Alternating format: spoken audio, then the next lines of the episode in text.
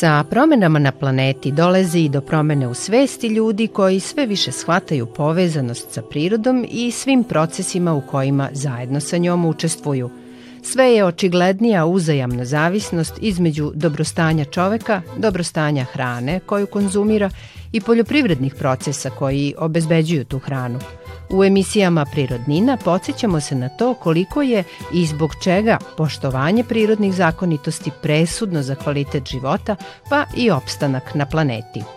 Ako narušimo te zakone prirode, tada dobijamo negativne rezultate. Stvaramo sebi probleme u svim oblastima. U oblasti zdravlja, poljoprivrede, odbrane, obrazovanja, u svim oblastima. Tako prirodno ojačan organizam ima veće šanse da se izbori sa svim izazovima današnjice.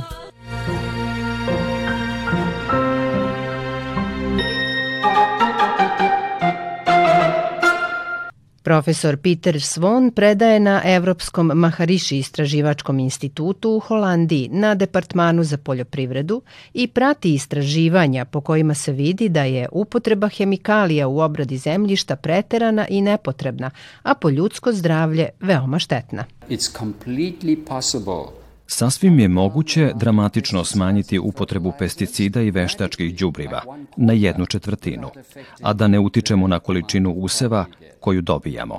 Dakle, sa jedne strane moguće je smanjiti zagađenje hrane, a sa druge strane, ako primenimo organsku poljoprivredu, koja se u svojoj suštini fokusira na stvaranje zdravog zemljišta i balansiranog ekosistema. Krećemo od nivoa mikroba u zemljištu sve do života životinja, ptica i drveća, pa sve do vremenskih prilika. Kada se na to usredsredimo, onda je sasvim moguće da gajimo zaista zdrave useve, koji su mnogo bogatiji neophodnim nutritijentima nego što je to slučaj trenutno. Mnogo bogatiji. Čak i više nego što su naši očevi imali pre 60, 70, 80 godina. A da to radimo sa nula hemikalija. zero chemicals. Only we have to understand how to farm in accordance with the laws of nature. And those laws of nature, they are not changing. The fundamental laws of nature. Jedino što moramo jeste da naučimo da obrađujemo zemlju u skladu sa prirodnim zakonima, a ti zakoni prirode se ne menjaju. Fundamentalni zakoni prirode su uvek isti, a to je zato što dolaze iz mustre po kojoj je nastala kreacija celog univerzuma. A ta mustra nalazi se u onom što fizičari zovu ujedinjeno polje. Svi zakoni prirode i ceo univerzum funkcioniše po toj mustri prirodnih zakona. Ako narušimo te zakone prirode, tada dobijamo negativne rezultate. Stvaramo sebi probleme u svim oblastima, u oblasti zdravlja, poljoprivrede, odbrane, obrazovanja, u svim oblastima. Zbog toga moramo da naučimo kako da živimo svoj život u skladu sa prirodnim zakonom i to u svim oblastima. Što se tiče oblasti poljoprivrede, moramo da obrađujemo zemlju tako da ne uništavamo zemljište, da ne povređujemo useve niti životinje. Na taj način nećemo ni sebi nauditi.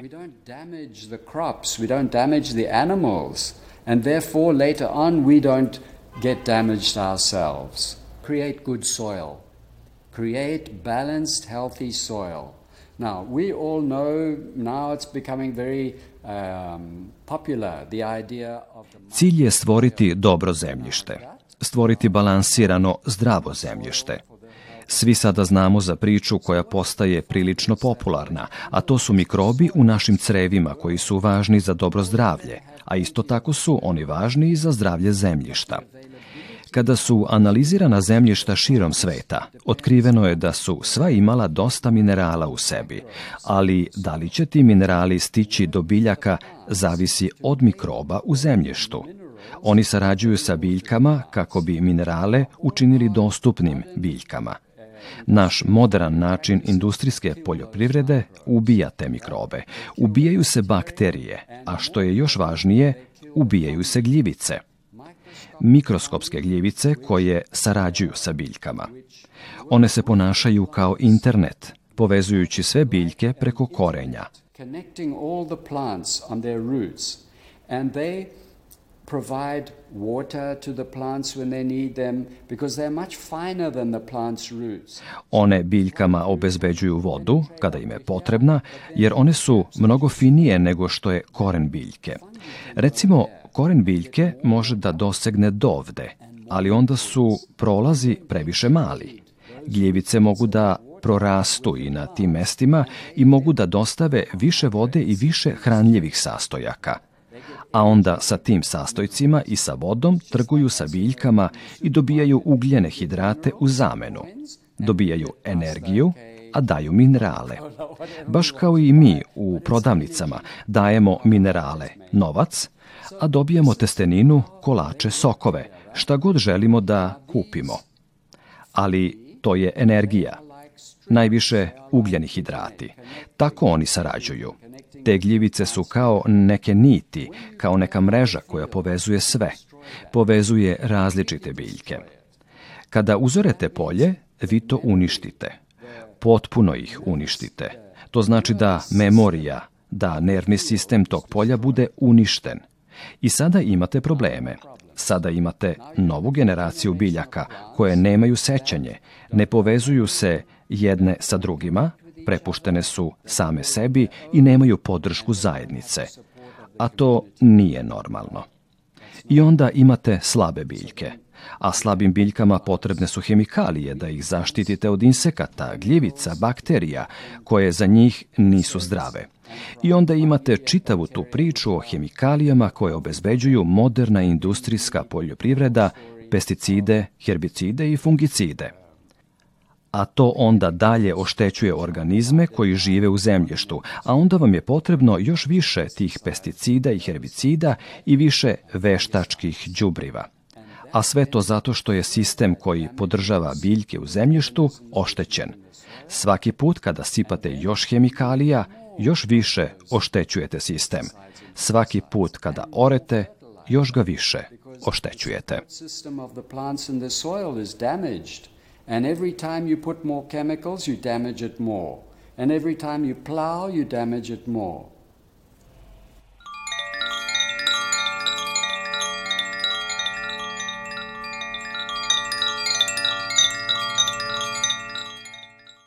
Peter Svon smatra da je u osnovi svih problema sa kojima se čovečanstvo suočava, pa i u poljoprivredi, nerazumevanje načina na koji funkcionišu prirodni zakoni. Držeći predavanja po celom svetu, on nailazi na potvrde da kada je čovek povezan sa sobom, kada praktikuje neki oblik molitve ili meditacije, u njegovom slučaju transcendentalne meditacije, tada je povezan i sa univerzalnim prirodnim zakonitostima i što je svesniji, To je zdraviji i uspešniji. People think, is it possible to farm without plowing? Ljudi se pitaju, zar je moguće obrađivati zemlju bez pluga? Oranje je majka civilizacije, jel da? Ali to nije istina. Ja bih rekao da je to prvi znak propadanja prave civilizacije. To je početak kolapsa prirodnih sistema, jer počiva na pogrešnom razumevanju po kojem moramo sve da uništimo. Umesto toga, šta rade farmeri? Oni, na primer, uzgajaju raž. Ta raž poraste tokom zime, a na proleće, nakon što je procvetala, Oni je polegnu po zemlji i dobijaju fini debeli malč. U taj malč oni poseju seme letnjih useva, bundeve, kukuruza, šta god žele. Seme zatim niče kroz taj malč, jer u tom malču su male pukotine, a tada korovi ne mogu da prodru dok je vlaga zadržana u zemljištu. Kukuruza, whatever it is. And then that comes through that mulch because they are in a little crack in the mulch. And then the weeds cannot come through, but the moisture is kept in the soil. Organizmi, mikrobi u zemljištu imaju hranu, mnogo hrane, imaju vlagu, ne bore se sa korovom. Usevi lepo narastu, postaju zdraviji, ne morate da navodnjavate, ne morate da dodajete đubrivo i svake godine zemljište se poboljšava. Postaje plodnije, ima bolju strukturu. To je samo jedan mali deo osnovne prakse poljoprivrede bez pluga, poljoprivrede koja je u skladu sa prirodnim zakonima, koja podržava organizme u zemljištu.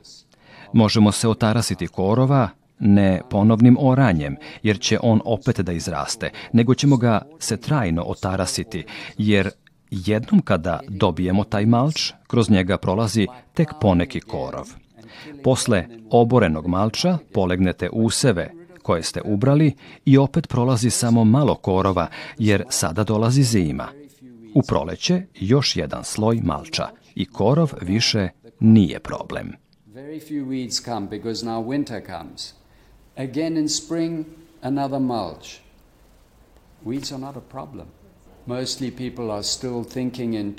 Ljudi uglavnom misle na velike traktore, hemikalije i sve što je povezano sa modernom poljoprivredom, ali svesnost se menja veoma brzo.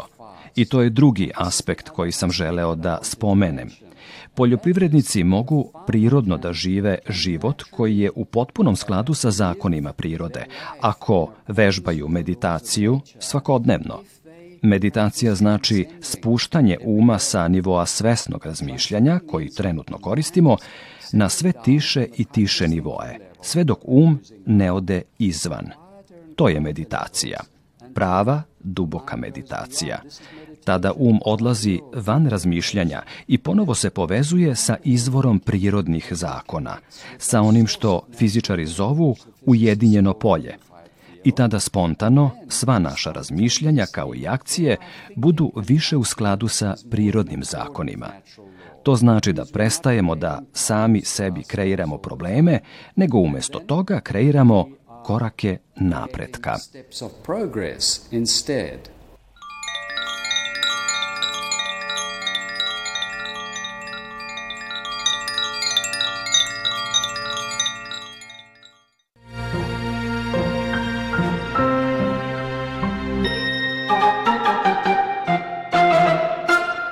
emisiji Prirodnina nastavljamo sa receptima koji u sebi sadrže med kao snažan saveznik u borbi za postizanje i očuvanje prirodnog blagostanja za organizam. Ovoga puta med ćemo pomešati sa cimetom. Prah cimeta je u starim civilizacijama vrednovan kao samo zlato, a danas je jasno i zašto. Njegova blagotvorna dejstva su bezbrojna, među najvažnijima su antibakterijsko i protivupalno svojstvo kao i ubrzavanje metabolizma – Za ovaj recept je dovoljno da pomešate određenu količinu meda sa istom količinom cimeta. Smesu pažljivo i strpljivo mešajte dok se med i cimet ne sjedine, a onda je koristite kao namaz umesto slatkiša ili uzimajte po jednu kašičicu dnevno kako biste ojačali svoj organizam. Tako prirodno ojačan organizam ima veće šanse da se izbori sa svim izazovima današnjice.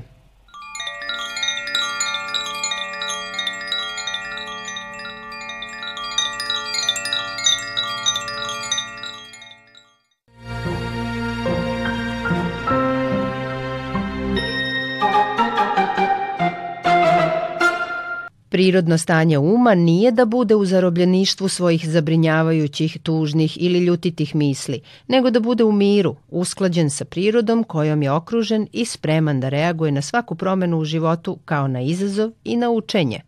Kada je opušten, oslobođen od tereta misli, čovek je svestan i veoma koristan kako za sebe, tako i za svoje okruženje – Prirodno je nastojati da se osvestimo, jer je svesnost čovekovo prirodno stanje kojem se u ovom vremenu promena polako, ali sigurno vraćamo.